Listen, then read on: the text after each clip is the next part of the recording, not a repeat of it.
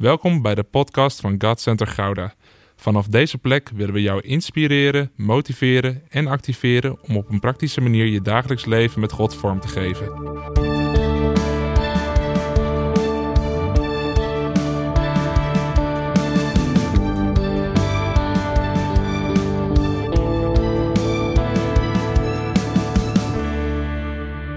Hey, wat leuk dat je weer luistert naar deze podcast.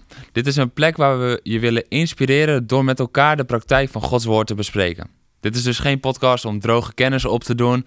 We doen dit zodat je kennis krijgt in het woord, zodat je kan leven vanuit je hart. En juist in deze periode waarin we elkaar minder kunnen ontmoeten en we steeds meer mensen zien lijden onder de huidige maatregelen en omstandigheden. En al meer dan een jaar is ons leven niet meer hetzelfde. Juist nu willen we blijven vasthouden aan de principes van Gods woord, de belangrijke principes van zijn woord. En één daarvan is onderwijs en geestelijke toerusting. Dus vandaar dat we volhouden in deze podcast. Afgelopen week hebben we het gehad over de kerk binnen en te buiten. We hebben vanuit Gods woord hebben we ontdekt dat we vanuit het Nieuwe Testament een blik krijgen op twee gemeentes die elkaar geweldig aanvullen. De eerste gemeente is Jeruzalem, die uitblonk in het vormen van eenheid. Het was echt een familiekerk, om zo maar te zeggen. En daarnaast hadden we de gemeente in Antiochië, waarin we zien hoe het krachtig is als een kerk naar buiten is gericht. Ze zenden de sterkste leiders uit om nieuwe mensen te bereiken, nieuwe gemeentes te stichten en het koninkrijk van God uit te breiden en te bouwen. En de ene gemeente is dan niet beter dan de ander. De ene heeft een andere roeping en een andere focus dan de ander. Dat is het grote verschil. En als voorganger had ik al tijdenlang de diepe overtuiging dat we als kerk geroepen zijn om beide kanten in de praktijk te brengen. Dat we als kerk bestemd zijn om zowel naar binnen als naar buiten gericht te zijn. En zoals we dat vorige week hebben besproken, die twee richtingen staan niet tegenover elkaar, maar ze vullen elkaar juist aan. Ze maken de kerk compleet. Want we hebben gezien dat zelfs in de grote opdracht, Matthäus 28, beide richtingen al verborgen liggen. We moeten discipelen maken. Geen gelovigen, geen bekeerlingen, maar discipelen. En dat betekent dat we niet alleen naar buiten moeten uitreiken, maar dat het proces verder gaat wanneer de mensen deel zijn geworden van het lichaam van Christus. Het uitreiken naar buiten is stap 1 en dat brengt mensen naar Gods hart. Maar vervolgens moet door de kerk heen en door samen sterk te zijn als kerk en sterk naar binnen gericht te zijn, moeten we discipelen gaan maken, zodat we het leven delen met elkaar. Zodat we er zijn voor elkaar. Dat brengt mensen genezing, brengt mensen vrede, brengt mensen op een bestemming. De kerk binnen en te buiten. Het uitreiken naar buiten brengt mensen naar het hart van God. Het discipelen, door gericht te zijn naar binnen, brengt mensen op hun bestemming. En omdat dit zo'n belangrijk principe is, wil ik vandaag met je gaan kijken naar hoe we als kerk sterk kunnen zijn naar het naar binnen gericht zijn. Hoe kunnen we dat blijven? Hoe kunnen we dat misschien wel worden? En daarmee bedoel ik niet dat dat de nieuwe enige focus is. Het is de helft van de hele focus. Want volgende week gaan we kijken hoe we sterker kunnen worden in het naar buiten gericht zijn. Maar vandaag dus eerst naar binnen. Naar binnen gericht. En dat wil ik opsplitsen in drie onderwerpen vandaag. Het eerste is, wij zijn Gods huisgezin. Het tweede, doe vooral aan je broers en zussen het goede. En het derde is, alleen door naar binnen gericht te zijn, bouwen we aan de volgende generatie. Oké, laten we beginnen met die eerste. Wij zijn Gods huisgezin. De Bijbel geeft verschillende beelden van de gemeente. We zijn het leger van God. We zijn het lichaam van Christus. We zijn de bruid van Jezus. En we zijn Gods huisgezin. We kunnen het lezen in Efeze 2 en Efeze 3. En in een gezin gaat het om samenleven. Het is eigenlijk de meest intieme vorm van samenleven met elkaar. En daar is dus ook de kerk voor geroepen. Dit is waar de eerste gemeente zo sterk in was. We hebben in de eerste serie gekeken naar de principes van die eerste gemeente. En dat deden we aan de hand van Handelingen 2, vers 42. Maar als we iets verder lezen, dan zien we ook de focus van die gemeente. Elke dag kwamen ze trouw en eensgezind bij elkaar. In de tempel, maar ze aten ook bij elkaar thuis. Ze leefden echt met elkaar. En weet je wat het mooie is?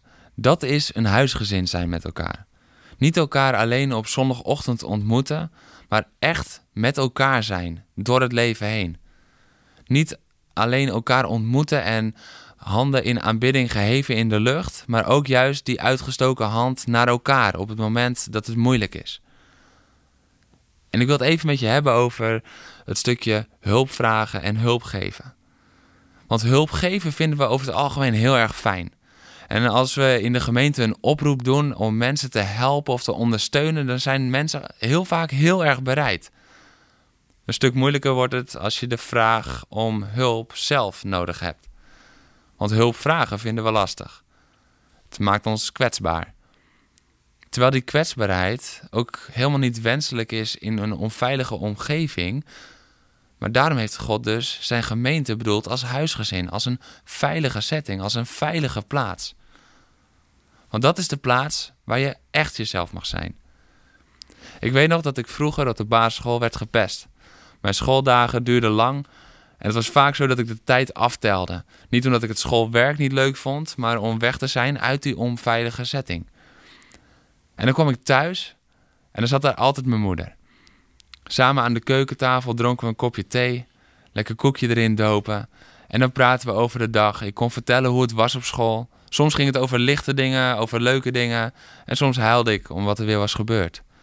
Maar ik kon daar gewoon echt mezelf zijn. Als ik blij was, als ik verdriet had, als we iets te vieren hadden, als er niets bijzonders was. En dat is nu precies wat gezin zijn inhoudt. Het leven delen met elkaar. Op de mooie momenten en op de moeilijke momenten. Dat maakt elkaar sterker. Dat zorgt voor veiligheid. Dat bouwt de kerk. Laten we elkaar om hulp vragen. Laten we elkaar de hand toereiken. Laten we de mooie momenten samen vieren. En laten we de moeilijke momenten samen beleven. Laten we samen bidden. Laten we samen eten. Laten we samen lachen. Laten we samen huilen. Laten we samen familie zijn. Samen leven. Dat was het eerste punt. We zijn met elkaar Gods huisgezin. En laten we dan ook kijken naar het tweede punt. En dat is dat we vooral voor onze broers en zussen het goede moeten doen. En misschien denk je, we moeten toch vooral naar buiten uitreiken. In Galaten 6, vers 10 zegt Paulus: Laten we dus in de tijd die ons rest voor iedereen het goede doen, vooral voor onze geloofsgenoten. Dit vers uit de brief aan Galaten is heel erg belangrijk, want we hebben zo vaak de compleet omgekeerde focus. We moeten ons uiterst inspannen om mensen te bereiken en daarnaast nog een klein beetje goed doen voor elkaar. Dat is vaak hoe we denken. Maar deze tekst geeft ons een heel ander uitgangspunt. Vooral voor onze broers en zussen het goede doen. En weet je, toen ik dit las, moest ik terugdenken aan een gesprek dat ik als tiener met mijn vader had. Ik stond in die tijd altijd voor iedereen klaar. En het maakte niet uit. Als ik werd geroepen, dan ging ik ergens heen om te helpen. Het maakte niet uit met wat. En anderen vonden dat heel erg mooi. Ze zagen mijn hart, ze waren dankbaar. En ik vond het heerlijk om die mensen te helpen. Vrienden, familie, noem maar op. Maar ik was zo vaak weg dat ik thuis eigenlijk nooit ergens mee hielp. En mijn pa confronteerde me er toen mee. En als puber ging ik daar natuurlijk gelijk tegenin. Want hoe kon hij nou missen dat ik altijd voor iedereen bezig was en hoe kon hij me daar dan op aanvallen terwijl ik zoveel goeds deed? Dat was mijn eerste reactie. Maar later ging ik erover nadenken.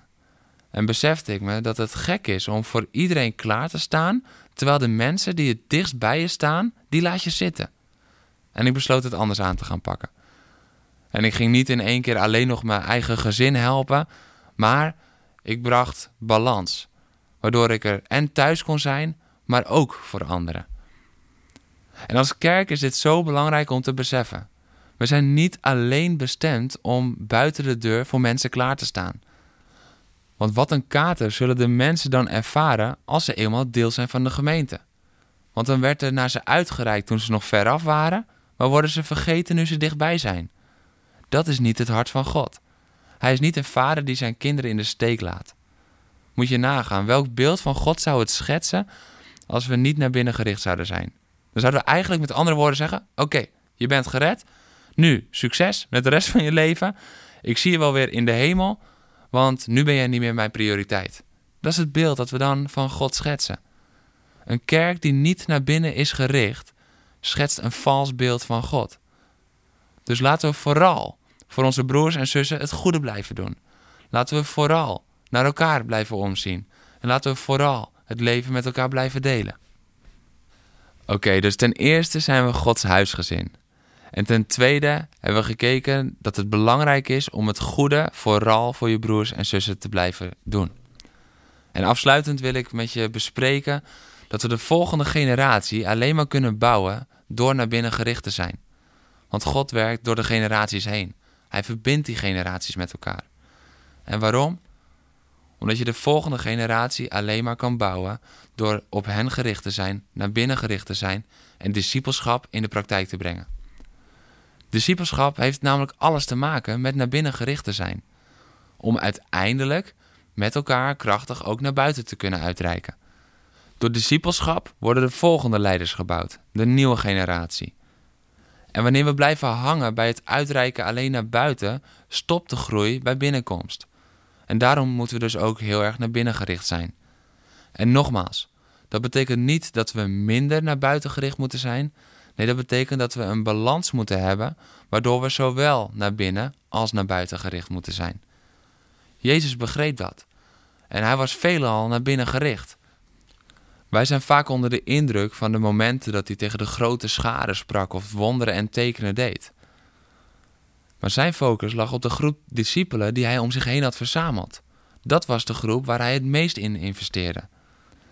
En daardoor bouwde hij aan de volgende generatie. Die was hij aan het opleiden, zodat zij na hem, na de hemelvaart, het verschil zouden gaan maken.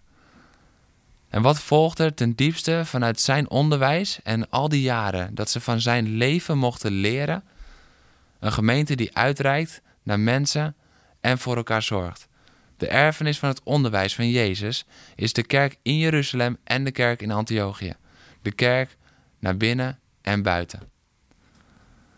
Dat waren alweer de drie punten. We hebben vandaag gekeken naar krachtig kerk zijn door naar binnen gericht te zijn. En we hebben naar deze drie punten gekeken. De eerste, we zijn Gods huisgezin. En daarin mogen we samen mooie momenten vieren en moeilijke momenten beleven. Samen bidden, samen eten. Samen lachen, samen huilen. Samen familie zijn.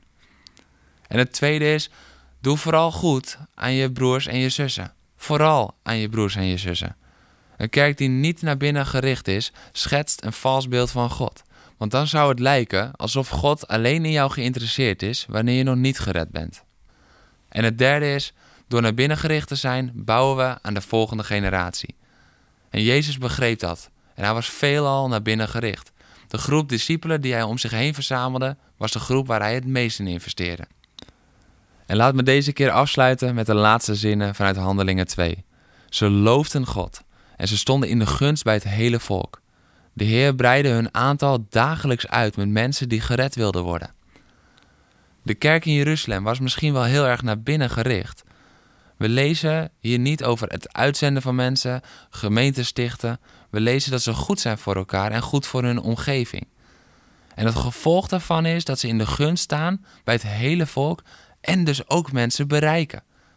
Dus een kerk die naar binnen is gericht, kan zijn als honing en daarmee ook mensen bereiken. Laten we niet doen alsof het ene het andere uitsluit. We zien het bewijs hier in de gemeente in Jeruzalem. Laten we samen God loven en in de gunst van het hele volk staan door onze levenswandel. En dan zal de Heer ons dagelijks mensen toevoegen en tot redding brengen. Ik vond het tof dat je weer hebt geluisterd naar deze podcast. Volgende week gaan we verder met de kerk naar buiten gericht. En dan hoop ik je weer snel te ontmoeten.